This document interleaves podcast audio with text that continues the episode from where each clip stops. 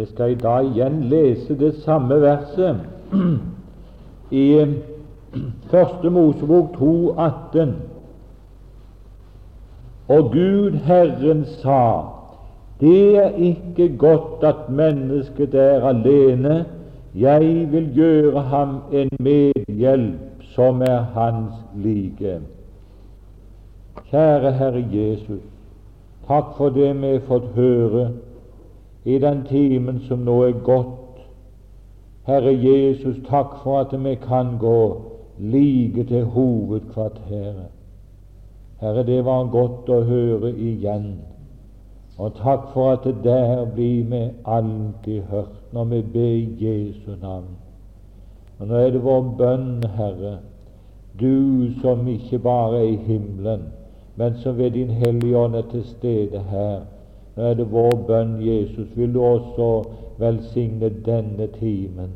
La Din Hellige Ånd lede mine tanker, og la Din Hellige Ånd forbringe sannhetene inn på våre hjerter, så det kan bære frukt i våre liv. Jeg ber deg om dette for Jesus skyld, for vår skyld og for sjelenes skyld. Amen. Det er klart at det for min del er i det samme dilemma som eh, riket når det gjelder å komme igjennom, men det skjønner jeg at eh, det gjør jeg på ingen måte. Eh, det var jo beregnet eh, ti timer, og nå skal vi da konsentrere det i fem timer, cirka det. Men vi, vi må bare fortsette ned igjennom der vi slapp i går. Vi var kommet til andre hovedpunktet Guds hensyn. Og under punkt 1 så så vi at det er ikke godt for mennesket å være alene. Kristus var den enbårne sønnen. Og under B bruden er skapt av hensyn til ham. Det var det vi holdt på med i går. Og vi nevnte da Judas brev, vers 1, bevaret for Jesus Kristus. Vi nevnte Rebekka, som var bevaret av tjeneren, som et bilde på Den hellige ånd, for Isak, den enbårne sønn. Men nevnte 1. Korintier 11,9 at kvinnen var skapt for mannens skyld. Og vi nevnte perlen i Matteus 13 som et bilde på menigheten. Vi slutta der i går. Vi må bare repetere bitte grann i, i den forbindelsen. Angående perlen så nevnte vi at eh, den gjenspeiler himmelen. Det var det første. For det andre taler perlen om enhet, og menighetens enhet. For det tredje talte perlen om et smykke det var det eneste perlen kunne brukes til et smykke. Og hør nå Det er godt for meg å tenke på det at det er menighetens hensikt. Det er å være et kristig smykke. Efeserbrevet 1 sier det, at vi skal være Hans herlighet til pris. Vi kan ikke dvele mye med det, men bare nevne det slik at når den dagen kommer at menigheten står frelst i himmelen, så vil himmelen oppdage noe i Gud som den aldri har sett før. Men som den vil få se gjennom menigheten.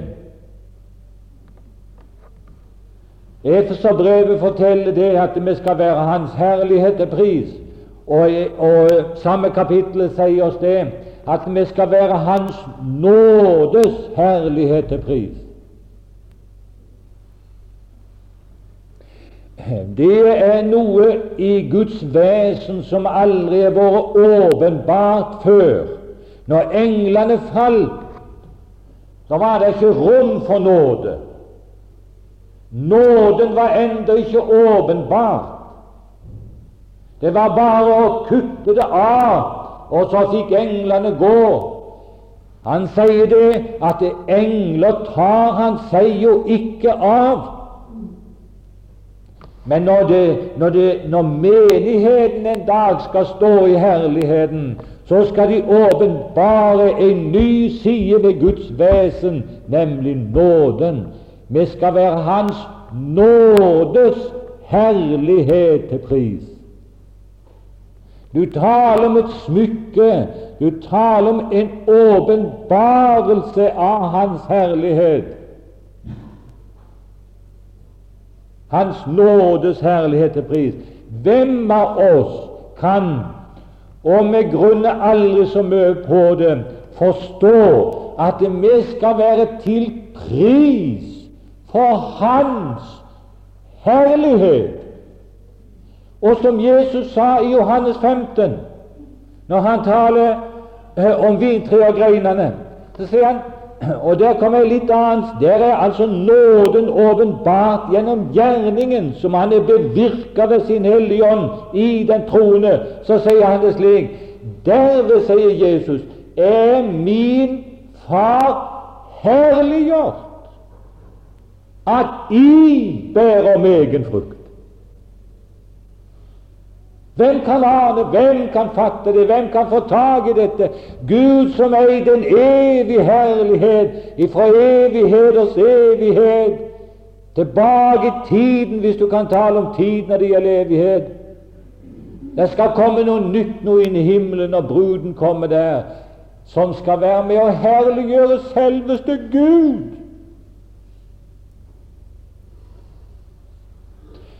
Jeg sier det igjen at hvis vi fikk oppdage litt mer av det som sto i Bibelen, og Den hellige ånd fikk forplante det i våre hjerter, så ville vi fryde oss hver eneste dag fra morgen til kveld så lenge vi gikk her nede. Perlen taler om at uh, menigheten en dag skal være et smykke for den Herre Jesus. Og jeg må nevne enda et sted, selv om jeg kommer kanskje til å nevne det seinere. Hvem er det så som skal være med og smykke Jesus og gjøre ham herlig? Hvem er det? 2. Tessaloniker 1.10.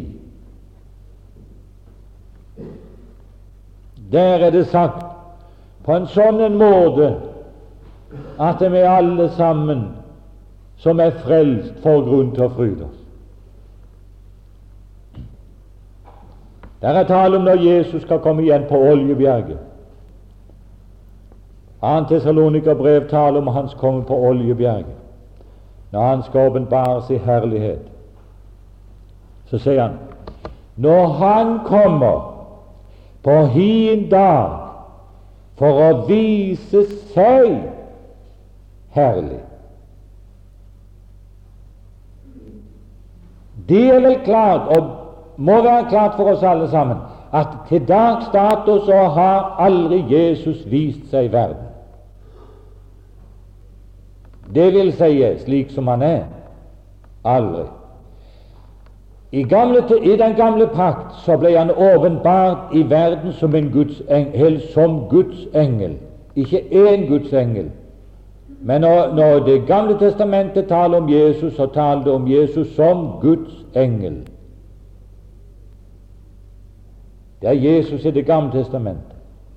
I Det nye testamentet så heter det det i Filippenserbrevet 2 Han tok en tjenerskikkelse på seg og kom i menneskers lignelse, altså forkledd.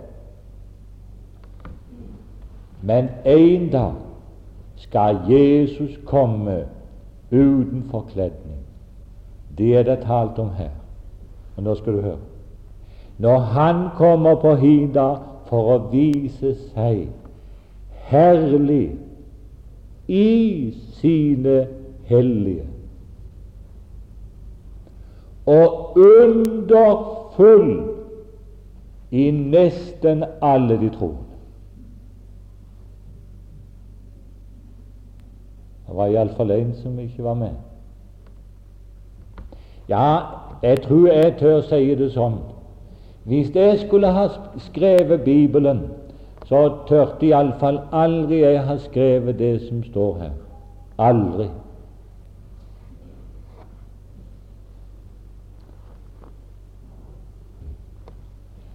Tenk det heide det der. Når Han kommer på hin dag for å vise seg herlig i sine hellige og underfull i alle de troende. Og også du med for å herliggjøre Ham en dag. Det er ikke bare det at han skal vise seg makt og velde. Han skal vise seg som kongenes konge og herrenes herre. Men å, mine venner, det heter virkelig her i dette ordet at han en dag skal bli underfullt beundret i alle de troende. Da er også du med. Hør det, min kjære venn, du som syns du aldri får det til i kristenlivet ditt, som aldri får det til, og hvem av oss er det ikke som kjenner på det? Å, jeg kunne være som han, som henne, om jeg kunne få bevege meg i verden på den måten så de kunne se at det var noe å være et Guds barn osv. Her er mennesker blant oss som syns de aldri får det til. Hør, min venn, Tenk, her sto det at en dag så skal han beundres, så skal han være underfull i alle de troende. Så er også du med. Kan du tenke for en oppgave? Bare det, om ikke evigheten bestod noe annet enn det, at mitt liv også var med å kaste litt glans over Jesus da hadde jeg nok å fryde meg over i evigheten lang. Han skal beundres i alle de troende. Og jeg må, Selv om ikke vi kommer så svært langt i timen, så må jeg allikevel ta med en liten stubb her. Det var Nå Anne Margrethe, nå er det lenge siden, for nå er hun voksen. Men uh, da når dette skjedde, så var Anne Margrethe bare omkring et år. Det er vel snaut, det, tenker jeg. For uh, vi hadde jo ei grind, og den grinda satte meg framme for huset for å slippe å ha alltid å ha et øye med småjenter. Så satt vi jo der i grinda. Ja vel, og vi følte oss trygge for at nå kan vi gå ifra, og det gjorde vi. Men så når det lei på en stund, så hørte vi at småjenta begynte å skrike og bar seg.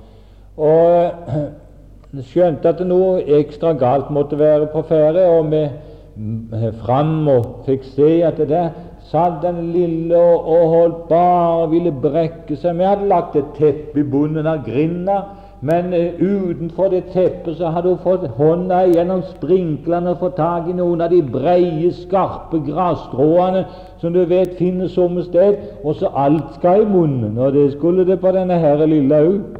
Og så hadde hun tatt på å ete på disse her skarpe grasstråene, og det skar ned gjennom halsen og gjorde forferdelig vondt, og ville bare brekke seg. Og vi to småjenter og opp til doktor Eigeland. Og, med, med, og, og når doktor Eigeland fikk se dette her, her og fikk høre om dette, så sa han ja, det er ikke instrumentet til å greie, sa han. Det må de til doktor Hørsdal med. Jeg visste ikke hvem doktor Hørsdal var. Nå vet jeg det. Men uh, Og, og, og før vi visste ordet, så hadde han bestilt bil, og, og, vi måtte ta småjenta opp i bilen og av sted. Og mens vi var på veien ut, så ringte han til, til klinikken og ba at de være, ville være klare til å ta imot ei småjente. Og doktor Hørsdal måtte, ja, han visste at han var til stede der. Og når vi kom ned der med småjenta, og du vet hun grein og ville brekke seg hele veien Det var nok forferdelig vondt.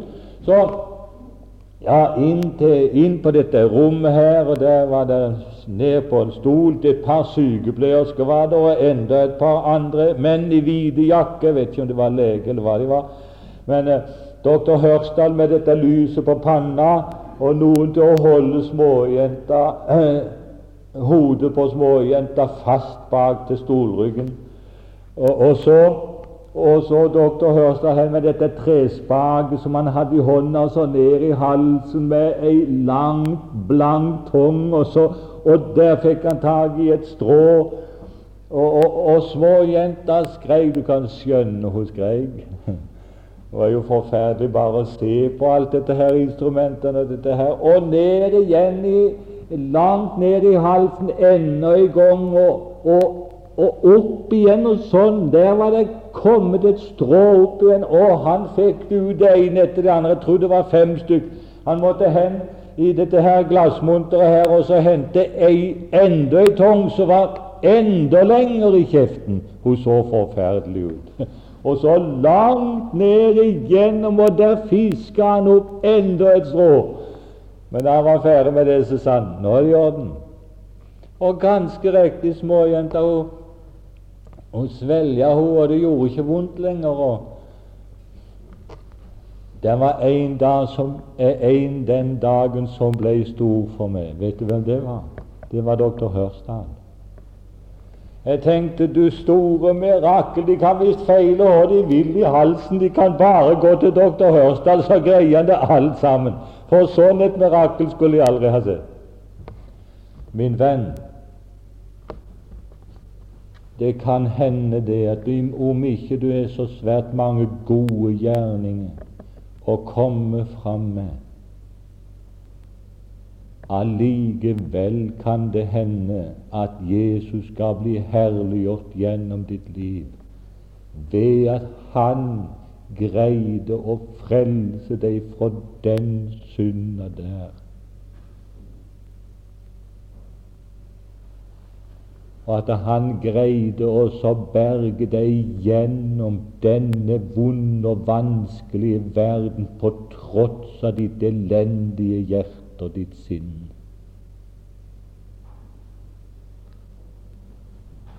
Og så røveren skal en dag kaste glans over hans herlighet, hans frelsende herlighet, hans ufattelige nåde, selv om røveren ikke fikk gjort en god gjerning.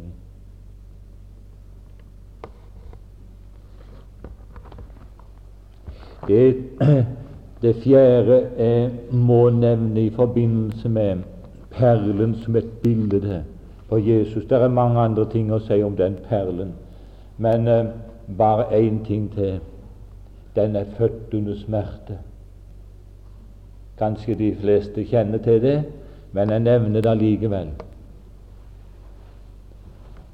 Der kom et lite sandkorn inn i muslingen, trengte inn imellom disse to skallene et lite sandkorn. Og det lille sandkornet som kom inn, satte seg fast på perlemorsveggen inni muslingen. Så begynte det å smerte så begynner muslingen å skille ut perlemor for å kapsle inne den lille tingen der som er så vondt. Og så holder, så holder muslingen på å utskille perlemor og kapsle inn, legge lag på lag, lag på lag omkring dette lille, vonde sandkornet som stadig sitter der og smerte. Og så vokser perler på denne måte Hver eneste perle er født under smerte.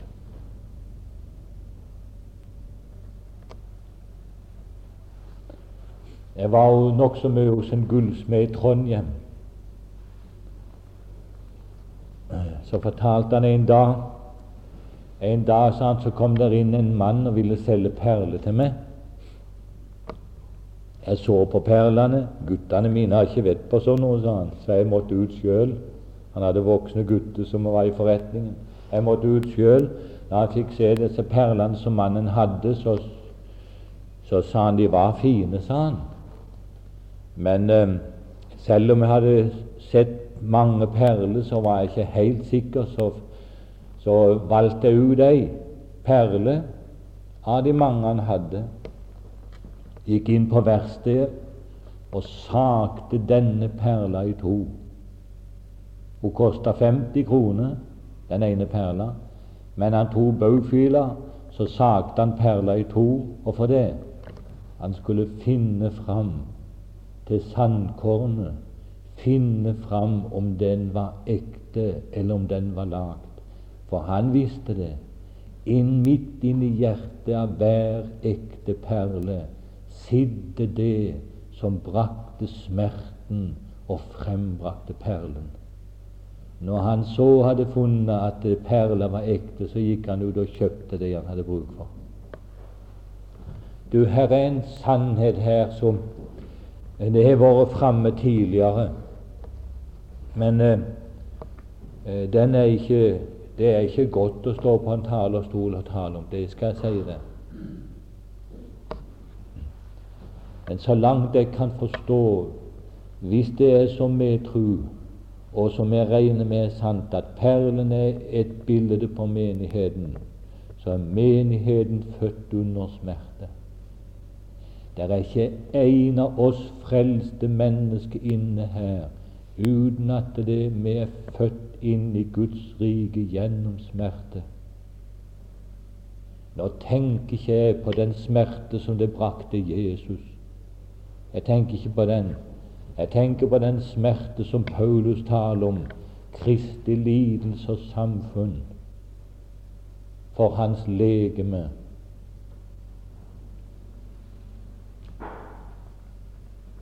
Og her, mine venner, er det at det blir så trangt. Her er det det at den moderne verden ikke kan følge med oss.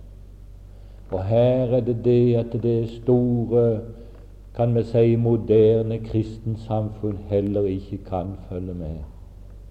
Det er én ting jeg har undret meg på mange ganger. Det er én ting jeg har spurt om flere ganger tidligere når vi skulle ha de store stevnene og møtene. Og det er det Hvorfor er det så lite bønnemøte nå for tida? Så mye lettere det er så mye lettere det er å lage eh, noe som kunne tiltrekke på en annen måte. Få i stand et popband eller, eller popmusikk eller Coca-Cola, pølse og alle mulige sånn Ja, du vet sjøl alt dette her forskjellige ting. Så mye lettere det å lage noe sånn istedenfor å komme på kne i smerte for at noen skal fødes. Mine venner, det blir ikke født menneske inn i menigheten uten gjennom smerte. Der finnes det ikke åndelig lystgass som kan hjelpe for å, å formilde fødslene. Der finnes det ikke det. I Åndens verden finnes det ikke den slags bedøvelse. Menigheten fødes fremdeles en for en inn i Guds rike gjennom smerte. Og her, mine venner, er det djevelen arbeid som aldri før i dag. Kan han greie å få strøket bønnemøtene ut av programmet, så fryder han seg. Kan han greie å få oss troende så opptatt med så mange ting at vi glemmer lønnkammeret, kan du være sikker på han fryder seg. Hvorfor det? For djevelen vet det. Skal det bli vekkelse i Veavåg, skal det bli vekkelse på Karmøya, så må jeg få de troende bort ifra smerten. Hvis vi skal unngå vekkelsen, mener jeg. Skal han greie å holde vekkelsen unna, så må han få de troende vekk ifra smerten, for han vet det. Det er derigjennom at barna fødes. Tenk deg om, så skal du se om ikke jeg har rett. Bare tenk på ditt eget liv.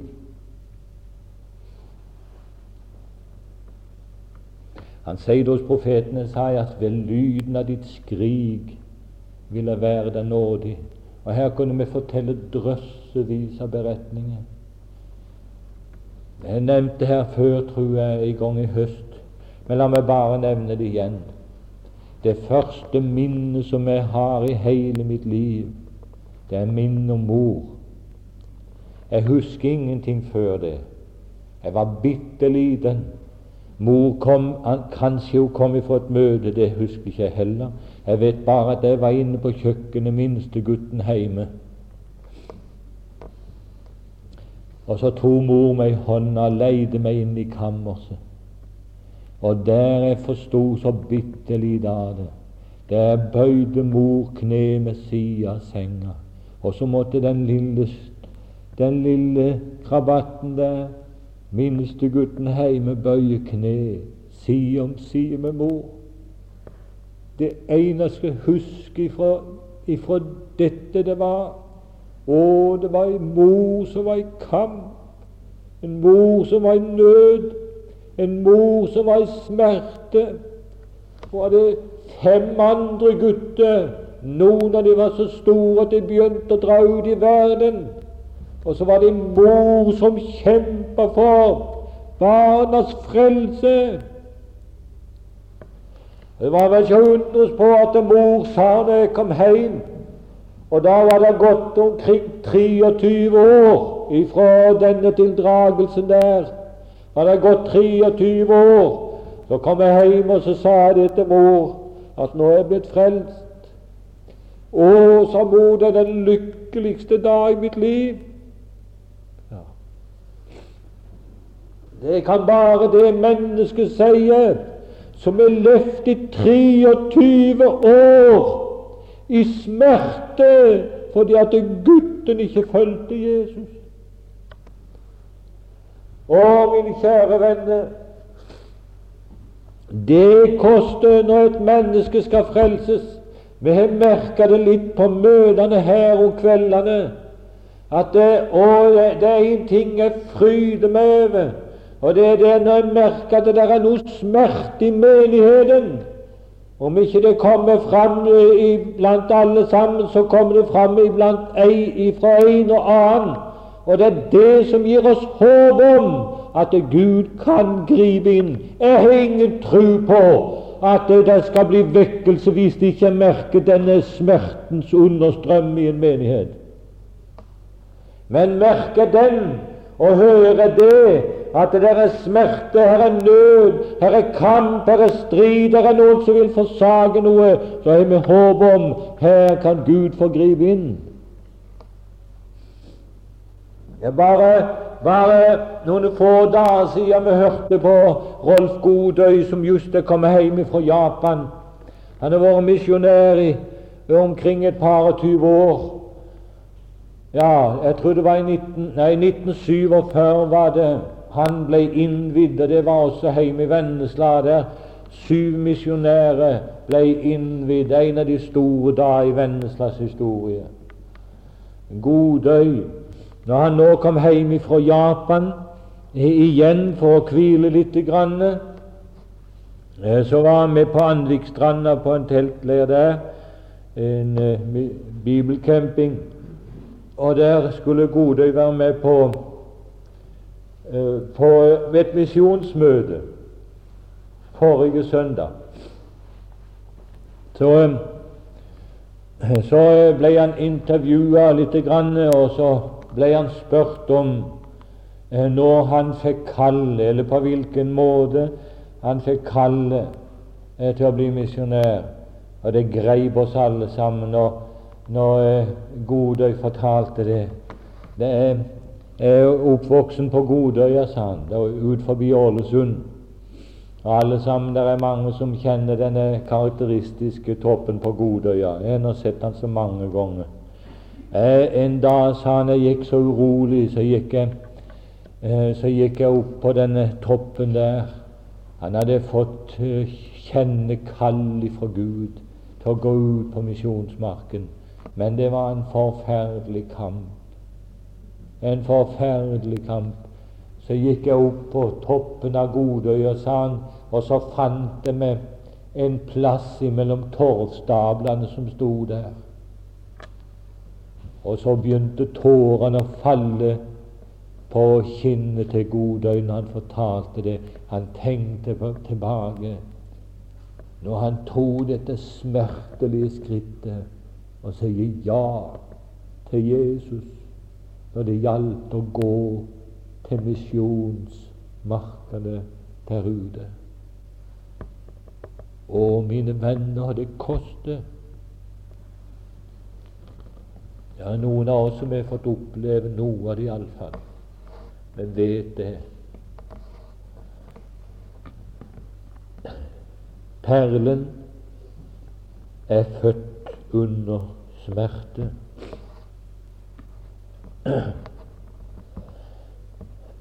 Vi må gå til punkt to her, under dette som heter Guds hensyn, og nevne da brudens opprinnelse. Brudens opprinnelse.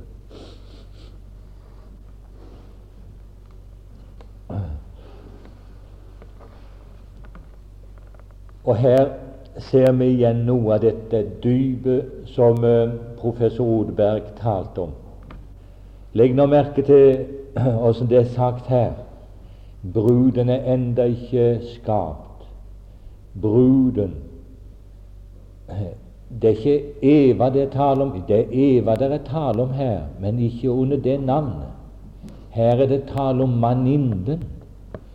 For du skal legge merke til det at før Eva falt i synd, så het hun rett og slett bare Maninde og hadde ikke navn.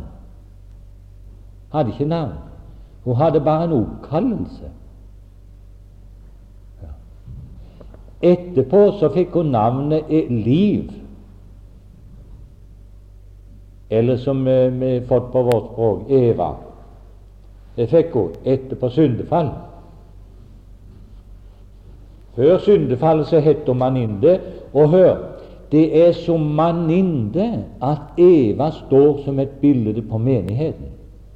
Og det forbildet avslutter med at Gud i himmelen tok denne kvinna og leide bort til mannen. Og dermed er forbildet avslutta.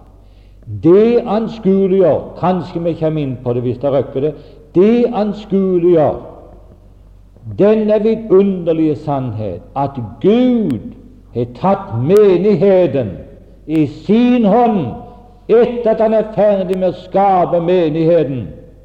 Så tar han menigheten i sin hånd, og så leier han henne til Kristus. Og så overleverer han henne til Kristus, til mannen som Eva er skapt for og til. Og dermed avslutte det forbildet. Det er en helt annen sak som taler om Eva som den frelste synder. Her har vi med det å gjøre som Gud her, med maninden. Men enda er hun ikke skapt. Og Gud Herren sa det er ikke godt at mennesket er alene. Jeg vil gjøre ham en medhjelp som er hans like. Der har Gud Der begynner menigheten å ta form. Hvor hen? I Guds tanke. Før kloden var skapt, kan du si Her kommer det jo fram som forbilde. Hva som, det som her er skrevet, det er et forbilde på hva som skjedde i evigheten før jorden var skapt, mens han enda var den enbårne Sønnen i herligheten. Gud så Jesus, så den enbårne Sønnen, og så sier han jeg vil gjøre ham en medhjelp. Det er ikke godt for han å være alene. Jeg vil gjøre han en medhjelp som er hans like. Altså, i Guds tanke, det er det første. Efeserbrevet 1. Og da er det sagt noe i vers 4. Der er sagt seks forskjellige ting der. Fem forskjellige ting er det sagt der i Efeserbrevet om brudens utvelgelse i Guds tanke. Og så skal vi ta med et sted ifra Peters brev. La oss slå opp Efeserbrevet eh, kapittel 1 og lese vers 4. Like som Han, altså Faderen, utvalgte oss i ham før verdens grunnvoll ble lagt, for at vi skulle være hellige og ulastelige for Hans åsyn. Der er det sagt mange forskjellige ting. For det første Han utvalgte oss. Det var Han som valgte ut. Det har du hørt tale om så mange ganger at det skal ikke jeg tale så mye om. Bare understreke denne vidunderlige sannhet at det var Gud som valgte, og det var også Gud som valgte meg personlig. Ja, det var det. Det var Gud som valgte menigheten, og det var også Gud som valgte oss personlig. Det andre dere talte om her, det er det at Han utvalgte oss i ham. Her er mye snakk om utvelgelse, og det har vært mye strid om dette opp igjennom all, i, i fall i hundrevis av år, om utvelgelse. Noen tror på den evige forututvelgelse, andre tror ikke på det, osv., osv. Jeg for min del har fått for min personlige del fått hvile i en bestemt ting, og det er nettopp det som er sagt her, at det er Gud i himmelen, Han utvalgte oss i Ham.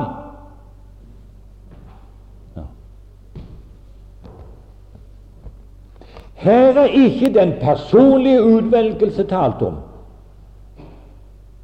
men det er tale om måten på utvelgelsen. Måten å gjøre det på. Og Gud han er bestemt ifra evighet av. Alle de som er i Ham, er min utvalgte.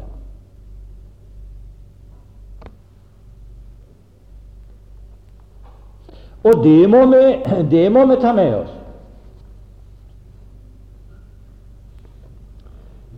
Hele Det nye testamentet har i grunnen et grunnord, og det er i Kristus. Det er hele Det nye testamentets grunnord. Omkring det, eller de to ordene der, kretser hele Det nye testamentet seg. I Kristus, og ikke minst i brevene.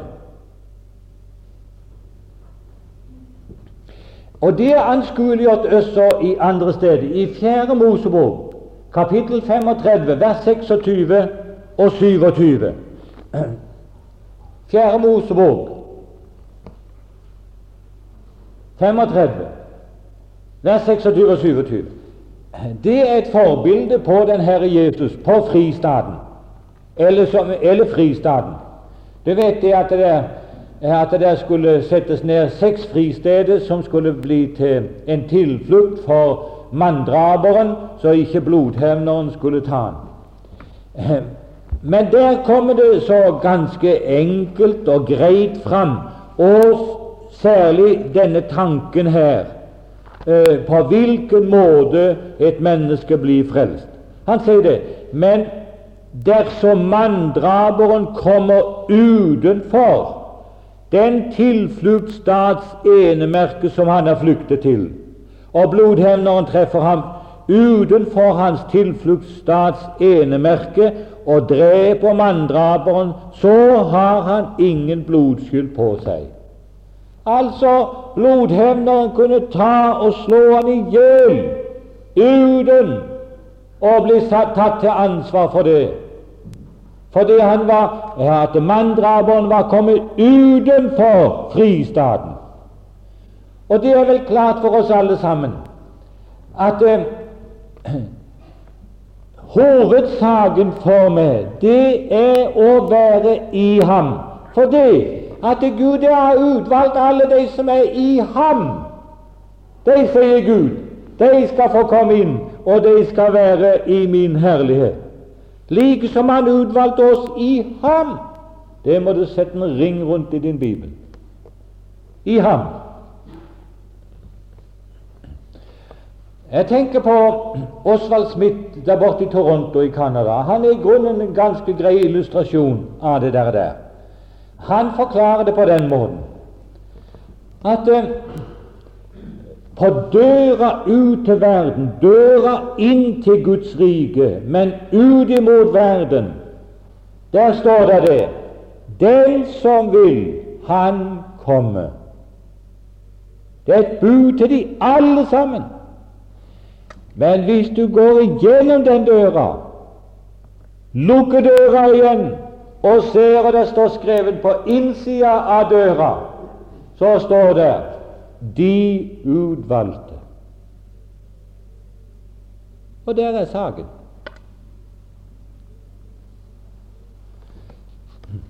Og det er det Den hellige ånd arbeider på. Det var det vi òg skulle arbeide på. Uavlatelig det var det Og så få et menneske inn i ham. Det er et bilde på arken, og det er bilde alle veier når det gjelder det der.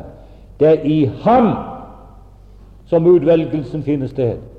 Det er klart, det. Romerbrevet eh, 10.3 taler akkurat om det samme, bruker en litt annen måte å forklare det på. Men det er akkurat det samme.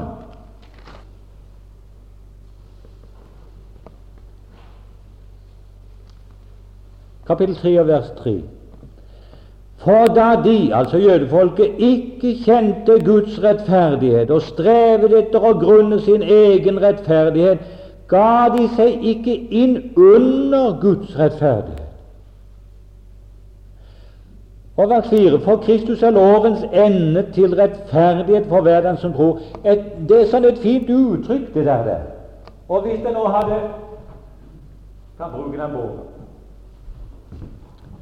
Oppe i Ålesund Oppe i Ålesund, tror jeg det var, eller var det i Bergen?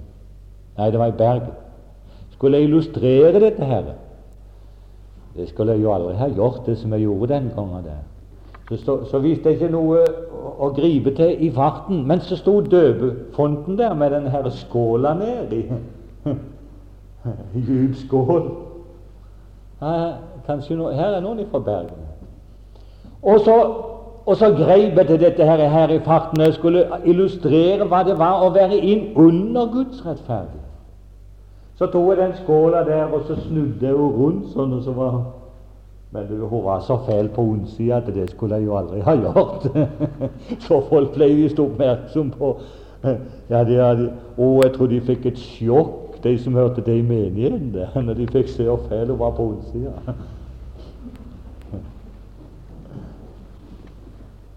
Hør nå. Kan du, kan du, se det? Kan du se Guds rettferdighet? Nå skal jeg bruke denne boka her som et eksempel. Her er Guds rettferdighet. Og så sier Jesus det er hele apostelen Paulus det, og forklarer det på sin enkle måte. Det å bli frelst, det er rett og slett å, å, å gi seg inn under den rettferdigheten. Ja, kom inn under den. For når jeg kommer inn under der, så er det ingenting annet å se enn bare idel rettferdighet i hele mitt liv, i alle mine gjerninger, i alt mitt vesen. Og for det er skjult inn under Guds rettferdighet. Og da skjønner vi vel hvor ynkverdig det mennesket blir som vil prøve å greie seg utenom denne rettferdigheten, og så danne sin egen rettferdighet. Et menneske hvis beste gjerning er som et besmitta kledeplagg for Gud. Sett de to ting side om side, og du vil snart se at uh, her er det jo bare én ting det gjelder, én ting om å gjøre, og det er å komme inn under Guds rettferdighet. Og den som er der, han er berga både for tid og evighet, så sant han vil bli der.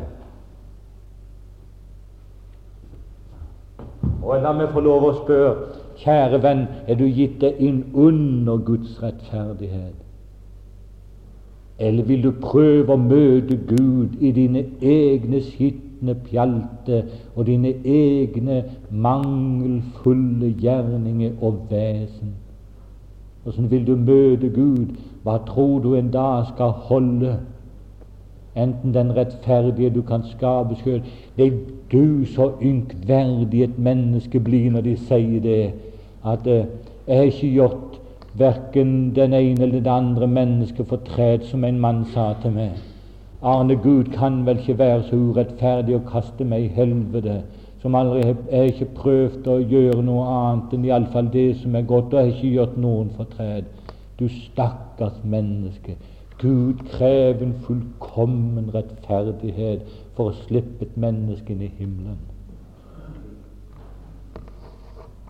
Og blir det så et menneskes gjerning, om de er aldri så fine, blir det så et menneskes vesen, om det er aldri så godt, i forhold til Guds rettferdighet. Å, men så godt du, så enkelt, så greit som evangeliet framstilte. Det er enda mulighet for å gi seg inn under Guds rettferdighet. Så blir du skjult i Ham, i Ham. Det tredje i den eller, Ja, det tredje er at han utvalgte oss i ham før verdens grunnvoll ble lagt. Alt dette var i orden før verdens grunnvoll ble lagt. Og nei, min venn, og her ligger vi. Men vi skal gå videre. Og så gjorde han det i kjærlighet. Sto der i Efeserbrevet at han i kjærlighet han utvalgte oss i ham.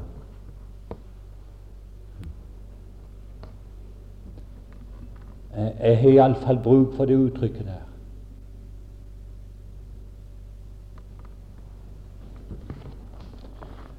Der er sungen en del, og der er sungen i en sang.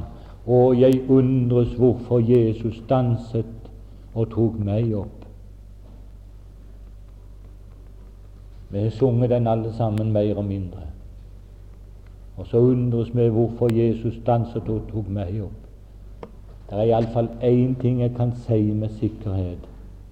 Hør, min venn, det var fordi Gud var glad i det. Det var fordi Gud var glad i det, at han bøyde seg ned og tok det opp.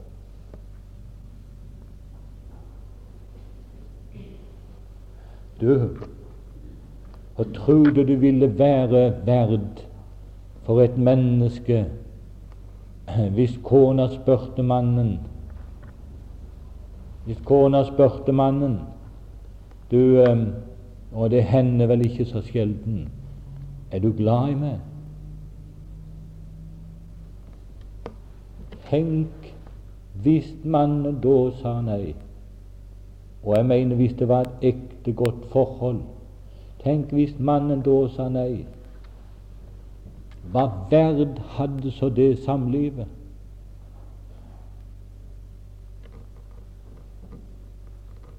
Ja, jeg tror iallfall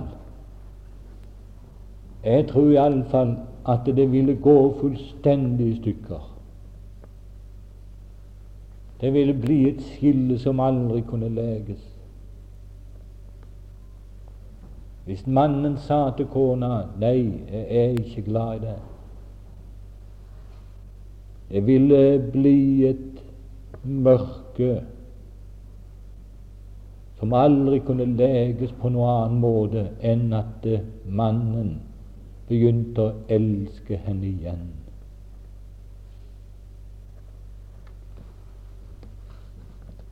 Og ville forholdet til Gud være, mine venner, hvis ikke vi kunne høre det fra Gud?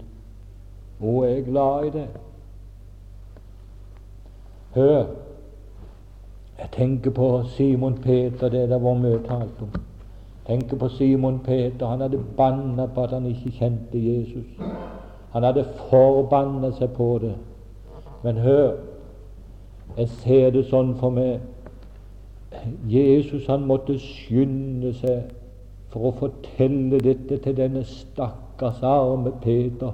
Og måtte han skynde seg å fortelle det møtet mellom de to som Simon og Jesus hadde, det er en hemmelighet. Bibelen er fullstendig taus om det. Men de hadde et møte. Han ble sett av Kefas, heter det, og så ikke mer. Hva trodde det skjedde i det møtet? Jeg tør driste meg til å si det på den måten. Jeg tror det første Jesus ville si til Peter, det var Jeg er glad i deg allikevel.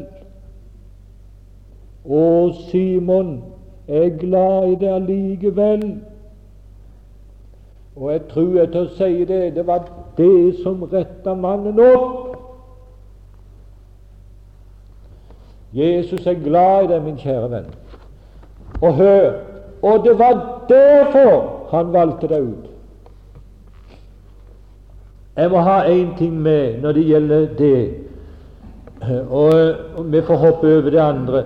Vi får hoppe over det, men vi skal bare notere eh, det femte der er sagt, eller det femte der er sagt, ja, det er om det. Det er etter sitt eget forsett. Det er grunn på det. Det er etter sitt eget forsett, noe Gud fant på fra evighet av.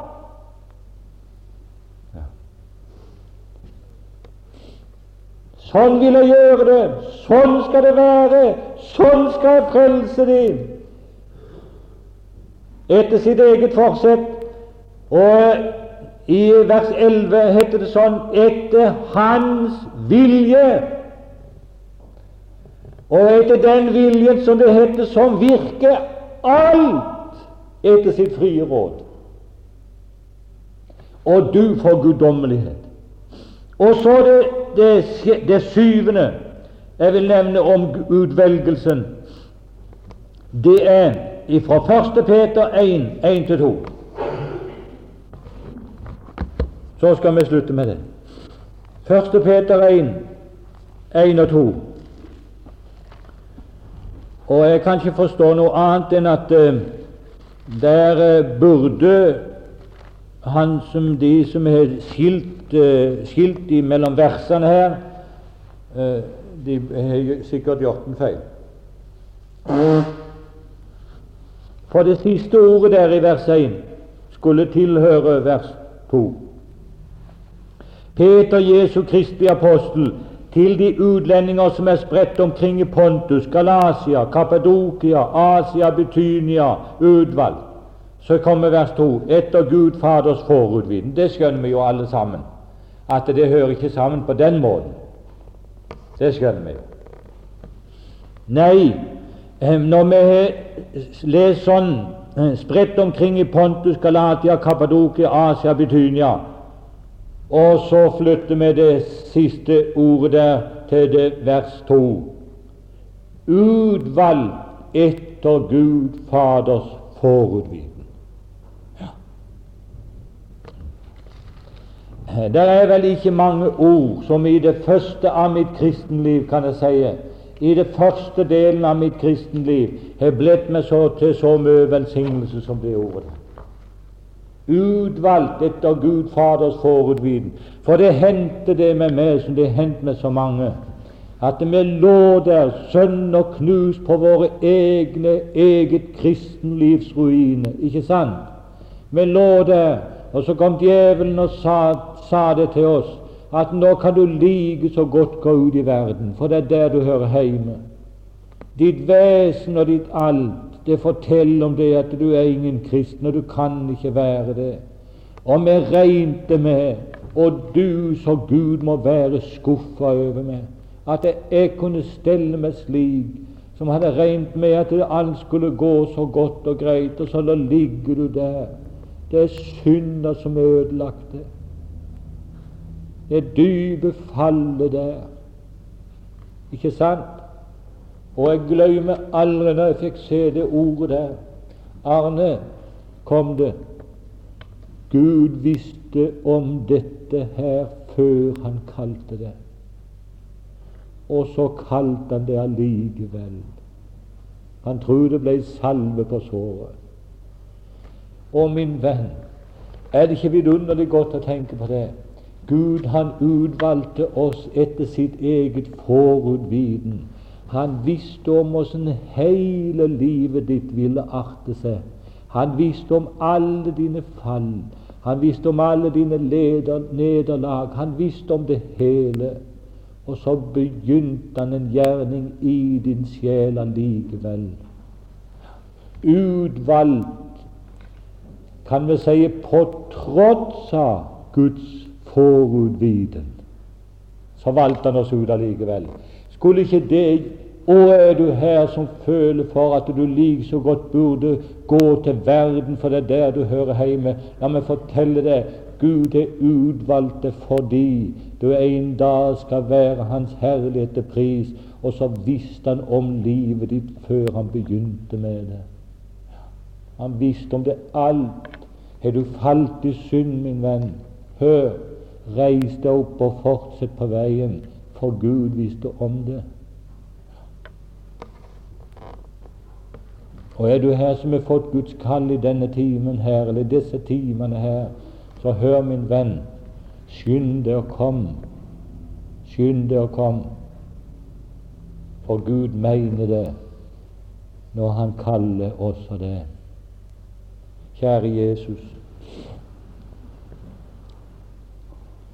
Herre, det er vidunderlig godt å tenke på det, at det var du som begynte.